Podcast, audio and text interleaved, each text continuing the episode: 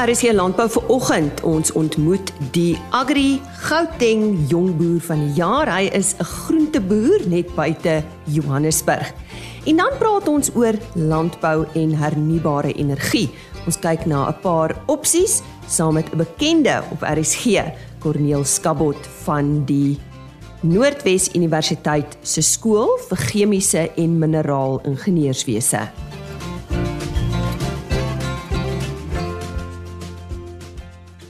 Van my Lise Roberts, goeiemôre. Baie welkom by vandag se program. Ons is verheug dat jy ver oggend gekies het om saam met ons te kuier. Die 24-jarige José Concalves is aangewys as die Agri Gauteng jongboer vir 2021. Ek het so tydjie gelede met hom gesels oor sy boerdery en sy belang by landbou. Hy gee eers vir ons agtergrond en hoe hy besluit het om te boer? Well, um, obviously the farm it's a family farm, but um, I, my intentions weren't always to farm. So yeah, a short background of what I did was obviously I went to school. I used to work holidays on the farm, but that was basically the only job I ever worked or had working experience in. And then obviously when I got into high school, starting to choose a career, you know, starting to make a little bit of uh, finer decisions. Then I decided, no, that, you know, agriculture maybe wasn't for me and ventured off into the financial world and started studying actuary at the University of Johannesburg. I studied eight months. Um, I did did reasonably well. I didn't fail anything, um, but I just I didn't enjoy it. I, you know, obviously chose it for the wrong reasons. You know, when you're in school, only really thing you think of is making money and not mm doing something good. So I decided to rather join the, the family business and try and innovate and change things and, you know, make try and make a difference because farming can be very repetitive um, and especially trying to innovate very difficult. Um, so mm-hmm. that was my major goal was to try and bring some changes to what we were currently doing on the family practice. Mm-hmm. Um, and yeah, that's basically my short story. Mm. Um, and on the farm now, we currently so we currently vegetable farmers. Mm. So we plant crops like cabbage, lettuce, carrots, beetroot, leeks, gem squash. Um, recently, the past three seasons, we started a pepper farm. So we plant peppers under protection now, under net houses. That was something that I I started but we, we did it as, as a business. So it was my intervention, but everybody in the business was involved in that sense. Um, and then in the beginning of this year, I started a fish farm. So we're doing uh, Pangasius is the is the species that right. we are farming. Um, it's still a small project, but we are gathering a lot of good information from it. So we're working closely with the University of Pretoria and uh, Onderstepoort Veterinary Hospital with the assistance of Dr. Gillian Taylor. She's the aquatic vet specialist mm. that comes and do testing at the farm every six weeks just to screen for disease to make sure that the fish are in good health. And then something that most recently that I started was the chickens. So I've got a few chickens sure. that we are using for egg production. So pr- produce some eggs every day, fresh. Not it's not a large scale, but um, it's two thousand four hundred chickens, and we plan. I plan to increase it little by little as we go. Mm. That's why why so much diversity. Do you believe in diversity? Um, yeah, I do because I think you know if you get your head stuck in one position, or if mm. you, how can I say, like a train, you're on the same tracks Mm. You never divert off into a different uh, business or a different approach. You somehow make yourself lazy in the way you think. Mm. So, being involved in agriculture but in different sectors of mm. agriculture mm. makes you just, I think, to think a little bit differently to a general, mm. you know, mm. to the general, to the general Joe. You have a little bit of a different approach. And for us, my main my main focus on diversity was because of space. Where we are, I mean, we farm basically in the middle of town. Mm. So we don't. Where, where exactly? Uh, Boxburg. So it bo- it's Boxburg Germiston border. So I mean, it's not how can I say your general farming town. Uh, obviously, you know, it's been built up around over the years. Residential's really pulling in close to us.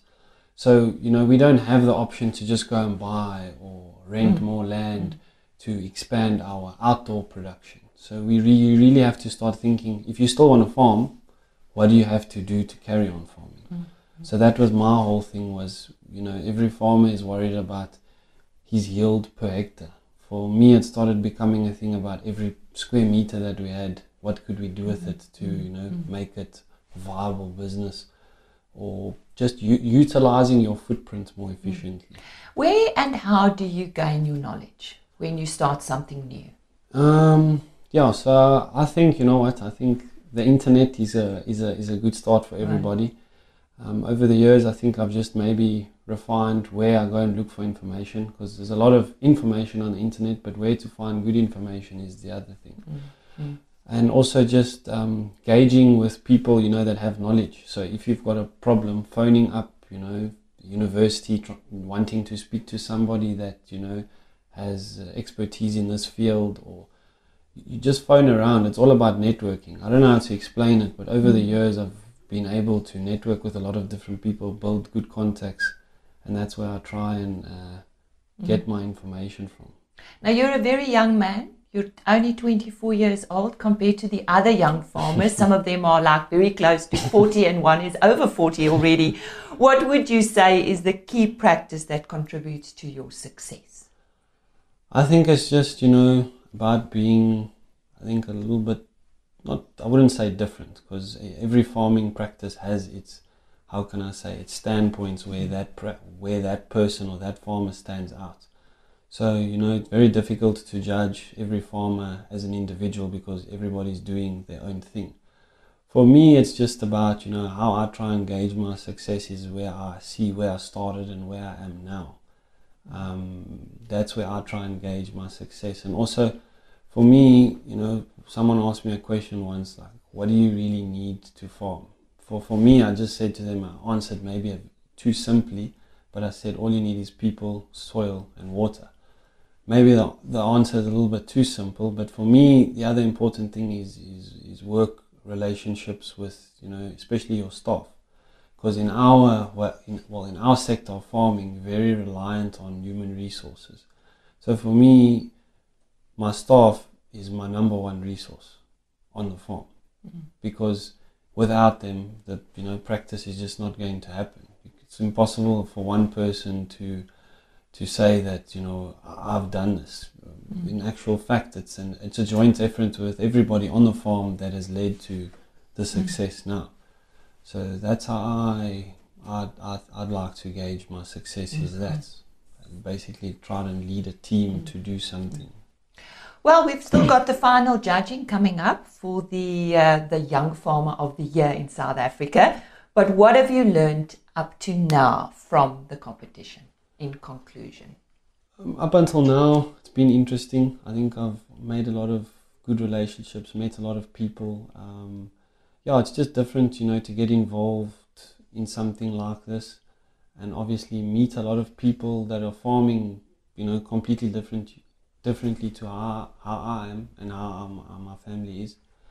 So yeah, it's just interesting to network with those people. You know, you open up your mind. And I think that's the most valuable thing about this competition is networking, making relationships, and building a, you know a community amongst the young farmers as well. Because somehow in agriculture, it's almost like every man for himself. You know, there's no real um, unity between farmers. Where if you go and look at the rest of the world, I mean, they've got associations, committees. Everybody supports each other it's you know completely different. So I think this is very good to get young farmers involved um, and proactive Mm. and to help each other. Because at the end of the day, it's impossible to do things on your own. 'n Jong man met groot planne vir sy toekoms, die 24-jarige Josey Konkaafs wat aangewys is as Agri Gauteng se jong boer vir 2021. En die finale ronde wanneer die nasionale jong boer van die jaar aangewys word, kom al hoe nader En uh, ek dink ek moet nog net met die Agri Noord-Kaap jongboer en KwaZulu-Natal jongboer gesels, dan het ons op RSG landbou met almal gesels. Hernubare energie, belangrik vir landbou, soos ons deesdae hoor, is dit die toekoms en dit is die roete wat uh, ons produsente en ander uh, lede van die landbouwaardeketting sal moet volg. Ek verwelkom graag vandag vir Corneel Skabot en ek dink uh, hy dalk nie veel bekendstelling nodig nie, maar nietemin, hy's van uh, Noordwes Universiteit se skool vir chemiese en mineraalingenieurswese. Corneels, lekker gesprek. Ons sien uit na hierdie gesprek. Baie welkom. Baie dankie. Al die pad van Potchefstroom. Dit's lekker om hier te wees. Daar sy, daar sy.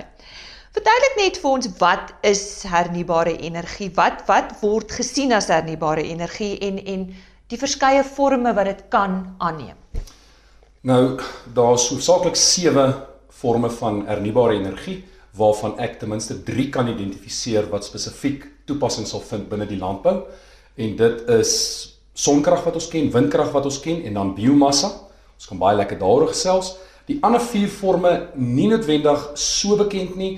Binne die Suid-Afrikaanse konteks sal dit wees oseane wat golwe gebruik of geotermies en dan het ons ook waterstof. Daai is 'n interessante onderwerp en dan ook laastens hidroelektrisiteit wat redelik in Suid-Afrika mm, mm, mm tot sy volle potensiaal benut is reeds. Mm. Nou daar's natuurlik voordele en nadele van hierdie tipe energie. Deel 'n paar gedagtes met ons. Ja, ek ek wil ook vir die luisteraars sê of altans dat uh hierdie is nie 'n swart-wit debat nie. Daar gaan mense wees wat saamstem, daar gaan mense wees wat verskil en elkeen van hierdie opsies het bepaalde voordele en bepaalde nadele. Mm. So as ons kyk na sonkrag, uh dis vrylik beskikbaar. Ek bedoel die die son, die hoeveelheid energie wat die aarde bereik in 1 uur is meer as wat die hele wêreld in 'n jaar gebruik. So ons het hierdie massiewe bron van energie wat wat beskikbaar is.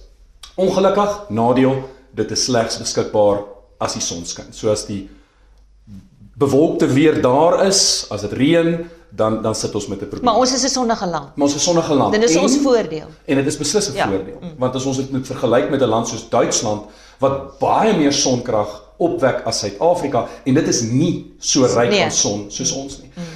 Dan is daar eh, windkrag.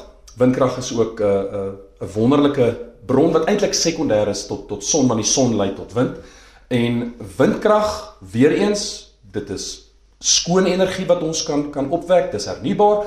Nadeel weer eens, die wind waai nie die hele tyd nie. Maar wat lekker is aan son en wind saam, son As die son begin skyn in die oggend, dan sien jou kurwe opwaarts wees en net 'n piek iewers in die middag en dan neem dit weer af.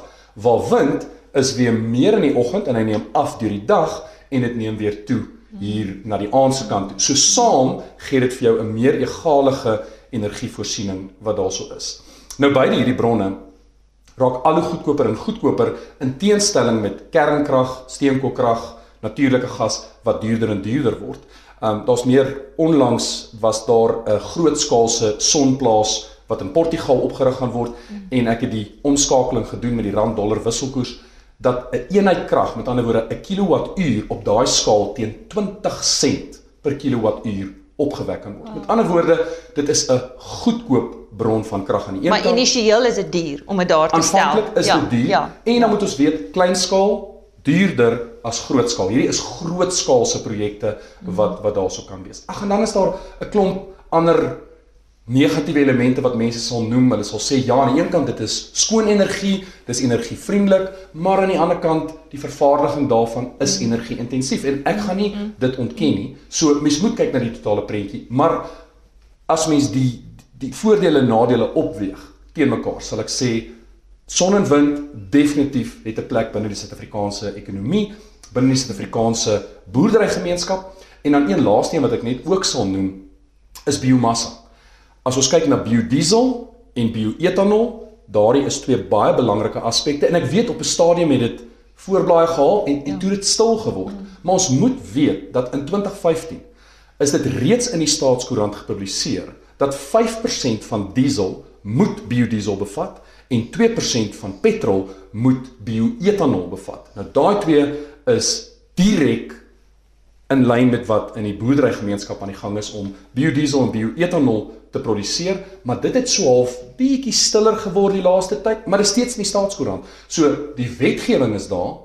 Die voorsiening word daarvoor gemaak, maar dit gaan weer eens by die implementering en dit is waar die die probleme lê. Is dit waar die staat inkom met die Dis waar die staat implementering inkom daarvan? met beleid en met die deurvoer daarvan. En, en spesifiek as mens die beleid lees, as mens die staatskoerant lees rakende biodiesel en bioetanol, was die doelwit daar agter Mm. juis om werksgeleenthede te skep binne die boerderygemeenskap en om die boerderygemeenskap daardeur ook 'n hupstoot te gee. Want as jy daaraan dink, jy gaan moet gewasse aanplant wat spesifiek geoormerk gaan word vir biodiesel en bioetanol, maar ons sien dit het so bietjie stil geword in daai area. Cornels, hoekom is daar in Suid-Afrika 'n toenemende behoefte aan ander tipes krag? Nou daar daar's 'n paar redes wat ek wat ek vinnig sal sê.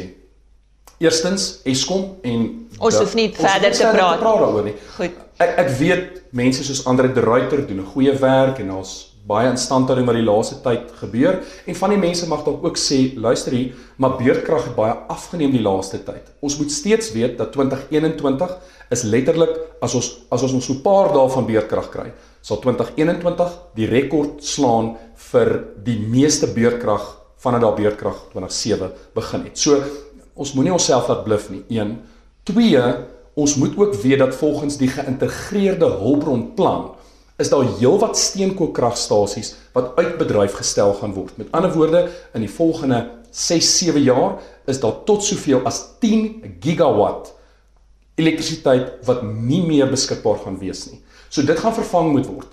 Nou, ons kan wag vir Eskom om na die tafel toe te kom, maar ons weet hulle sit met 'n massiewe skuldlas.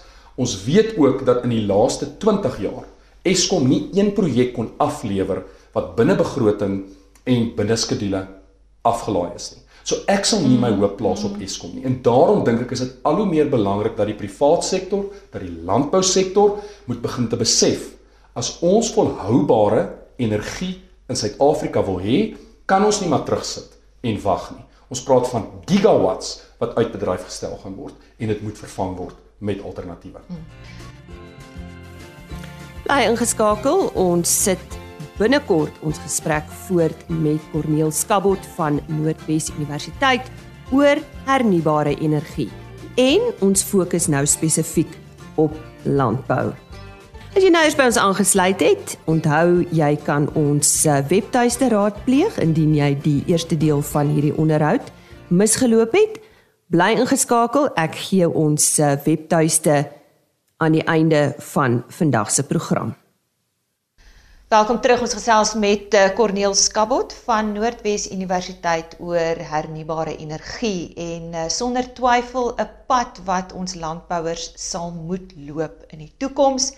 Ons is bewus dat dit geld kos, maar uh dis hoekom jy vandag hierso is. Watter opsies is daar en jy kan miskien vir ons 'n paar voorbeelde noem en hoe Ja. ons daarbey kan uitkom. Dis hoekom jy hier is. Gee vir ons Yes. raad, Goed. Corneels. So die die wetgewing wat nou deurgevoer is, sê dat 'n maatskappy, 'n boer, 'n individu kan self krag opwek en as dit bo 'n 100 kW is, maar onder 'n 100 megawatt, dan moet dit net geregistreer word by NERSA. Daar hoef nie meer aansoek gedoen word vir, Vir lisensies nie. En die lisensies was in die verlede die probleem. Met ander woorde, daar's heelwat opsies vir boere. Groot boere kan met ander woorde as hulle sou wou van die netwerk afklim, van die grid afklim en sê ek slaam met Eskom en sonpanele opsit, wind opsit en dit self vir daai boerdery gebruik. Daar gaan een of ander manier moet wees om die energie te stoor natuurlik en daarvoor is daar 'n paar opsies. Sou jy heeltemal van die netwerk wil afklim. Batterye, maar soos jy self weet, batterye kos ongelooflik baie geld, maar dit is 'n opsie en daai tegnologie word ook beter oor tyd. Mm. Nou wat mens ook kan doen is is om surplus energie op te wek en dit kan gebruik word en dis 'n 'n nuwe veld wat ook al hoe meer tevore kom is om waterstof deur middel van elektrolise dan basies te maak. So met ander woorde jy het water en dan het jy jou elektrisiteit wat jy deurstuur en dan het jy waterstof en daai waterstof kan dan weer ontbrand word as jy die energie nodig het. Met ander woorde daai is 'n 'n tipe battery soos wat mense ook kry in waterstofvoertuie. 'n Ander opsie sal wees dat dat boere dalk afvalprodukte kan gebruik, koeimis en dit kan gefermenteer word mm. en daardeur vorm jy metaangas. Hierdie metaangas kan dan ook Ek weet daar's van ons melkbore wat dit alreeds doen. Presies. Ja. So jy, jy kan dit doen. So daai kan dan aanvullend wees. Hoef jy nie die hele tyd te hardloop nie, maar jy het jou son, jy het jou wind en dan as jy dan krag nodig het, kan jy dan van hierdie gas gebruik maak om dit dit by te voeg. Dit is as jy heeltemal van die netwerk wil afklim. Dit gaan 'n paar rand kos, gaan duur wees, maar soos meer Maar langtermyn gaan dit betaal, is ek reg? Presies. Ja. Dit, dit behoort al hoe goedkoper te word oor tyd. Mm. En weer eens moet mens kyk na die skaal van die ekonomie. Dit dit, mm. dit gaan vir sekere boere lonend wees, mm. ander nog nie, maar soos ons sien die tendense is pryse neem af. So daar's een opsie. 'n Ander opsie sal wees 'n boer wat sê, luister ek kan nie noodwendig hierdie batterye bekostig nie, dit is te duur. Nou daai boer kan byvoorbeeld die goedkoper opsie gaan, gekoppel bly aan Eskom en dan dis weer eens mens moet in onderhandeling met Eskom werk, produseer jy deur die dag genoeg energie vir die boerderygemeenskap vir daardie aktiwiteite wat plaasvind, maar dan ook surplus, het sy deur son of wind en dit word dan teruggestoot op die netwerk. Mm. En dan gedurende die aand wat die wind nie noodwendig waai nie en die son nie skyn nie, kan daai elektrisiteit dan weer teruggebring word. Met ander woorde, Eskom is 'n battery. Mm. En ek weet Eskom is nie noodwendig te lief daarvoor nie want as almal dit doen, beteken Verloor hulle uit. Hulle met die helfte van die dag Ja. ja. hulle krag en dan die res, Ja. so dis daai hele storie. Ja. So so dit is die ander opsie. 'n Derde opsie is wheeling wat ons dit noem, wheeling en en wheeling, ek het al gedink is dit Abba ampere of whatever maar jy moet so ek produseer krag as 'n boer in die Noord-Kaap en ek kry 'n kliënt, nes ek my landbouprodukte moet verkoop aan 'n bepaalde mark, gaan ek moet 'n mark vind vir hierdie elektrisiteit. En dan kan ek weer eens moet daar ooreenkomste in plek gestel word en ek bepaal betaal 'n bepaalde tarief, dan maak ek gebruik van Eskom se distribusie en transmissienetwerk om die krag van punt A na punt B te vervoer. So ek gaan nie noodwendig die krag self gebruik nie, ek verkoop dit dan aan 'n gebruiker op 'n ander plek. Ek betaal 'n sekere bedrag aan Eskom. Weer is nie 'n lisensie nodig nie, maar daar's een of ander ooreenkoms nodig met die verbruiker en ook met Eskom om dit daar te kry. So dit is 'n derde opsie om dan surplus krag so uh te, te vervoer. En dan is daar ook 'n 'n vierde opsie en dis wel vir 'n plaaslike netwerk, 'n boer wat dan vir sy plaaslike boere en bure dalk ook kan kan krag voorsien. So daar's daar's 'n paar opsies op die tafel as ons net kyk na elektrisiteit en om van die netwerk af te klim en mense gaan moet kyk. Vir party gaan dit lonend wees, vir party gaan dit nie noodwendig finansiëel soveel sin maak nie, maar die opsies is baie beslis op die tafel. Cornelius, doen julle navorsing oor so iets? Wat is die algemene tendens op die oomblik in landbou? Weet jy? Ek is nie so 100% Hoogte nie. op hoogte van daardie nie, maar wat ek sien is is dat daar is sekere boere wat besig is om hierdie op groter skaal te doen. En wel ek dink wat mens kan doen is is om van hierdie boere te gaan besoek en om spesifiek te kyk wat werk, wat werk nie. Want ek dink van hulle gaan ook sê luister jy partykeer wat 'n verkoopsman wil ook 'n sonpaneel in jou verkoop, beloof die son en die maan en die sterre Ja. en jy kry dit nie noodwendig nie. Ja. So ek dink mens moet gaan kyk in praktyk hoe dit lyk. Ek wil bietjie terugkom na daai punt toe want Ja. daar is 'n paar soos hulle sê in Engels sharks daar buitekant wat kyk wat hulle uit jou kan uitkry want jy is nie die kundige nie. So 'n bietjie raad daar.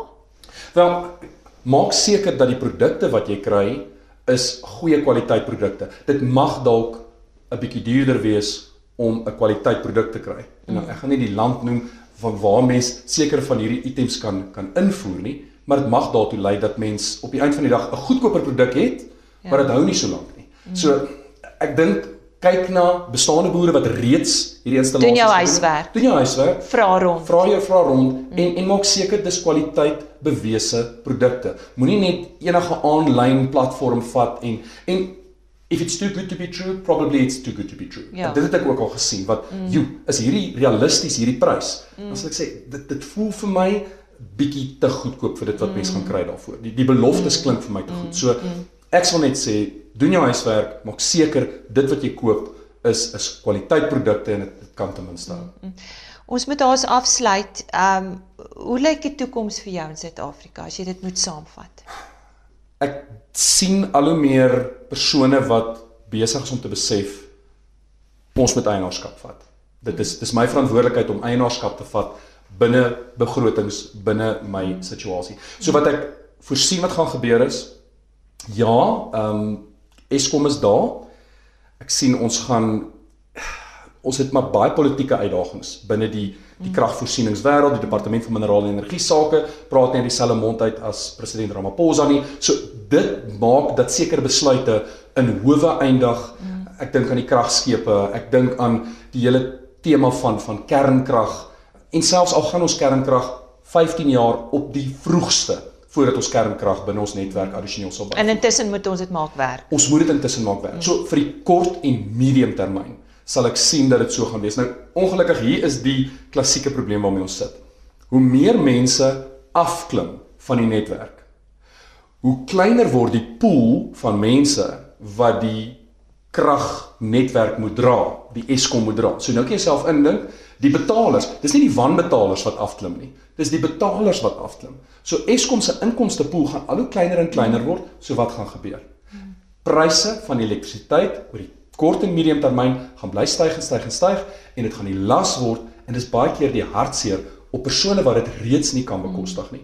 En dit is moeilik want hulle kan nie bekostig om af te klim nie en hulle kan ook nie bekostig om die hoër tariewe te betaal nie. So hier is dalk meer probleme op pad as wat ons dink, maar ek is positief om te sien hoeveel mense van die netwerk afklim tot 'n sekere mate en dat sekere munisipaliteite is definitief besig om dit al hoe meer vriendelik te maak. Dit gaan tyd vat. Sekere munisipaliteite is meer vriendelik as ander. Daar waar ek vandaan kom byvoorbeeld, jy jy kan nie die krag terugvoer in die netwerk nie. Ander munisipaliteite in Suid-Afrika laat dit wel toe. Ja, so ja. Ek, ek sien 'n verandering en ek sien 'n skuif en ja, soos ons tyd gaan verloop, gaan ons sien dat sekere elemente gaan goedkoper word. Nie noodwendig sonkrag nie, want ons is reeds op 'n baie baie laag. Ek bedoel anders dan gaan ons begin, hulle gaan jou betaal om 'n sonpaneel te vat. Ons gaan nie dit bereik nie, maar dat batterye en batterytegnologie, waterstof, biomassa selfs dat hierdie opsies al hoe meer beskikbaar gaan word en goedkoper gaan word. En ek dink byvoorbeeld 'n vat Kodak wat in die 70er jare die eerste digitale kamera ontwerp het en hulle direkteur het gesê nee, moenie, hierdie gaan nie werk nie.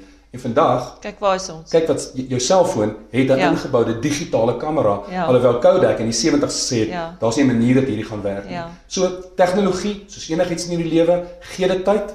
Nou ja, soos ons weet, is dit 'n man wat werklik omgee vir wat met energie sake in Suid-Afrika gebeur. Corneel Skabot, hy is senior lektor by die skool vir chemiese en mineraal ingenieurswese by die Noordwes Universiteit en hy het vandag met ons gesels oor hernubare energie en landbou. Ons webtuiste, die maklikste gaan wees www.agriorbit.com. Onthou daardie .com. Kyk net bo aan die bladsy onder podcast en dan RSG landbou en al die onderhoude word daar afsonderlik gelaai. Dit is www.agriorbit.com. Die volledige program natuurlik ook op die gewone RSG webtuiste beskikbaar en ons e-posadres rsglandbou@plaasmedia.co.za. Van my Lise Roberts tot môreoggend, selfde tyd, selfde plek, net hier op RSG en dit is RSG Landbou. Totsiens. RSG Landbou is 'n plaasmedia produksie met regisseur en aanbieder Lise Roberts en tegniese ondersteuning deur Jolande Rooi.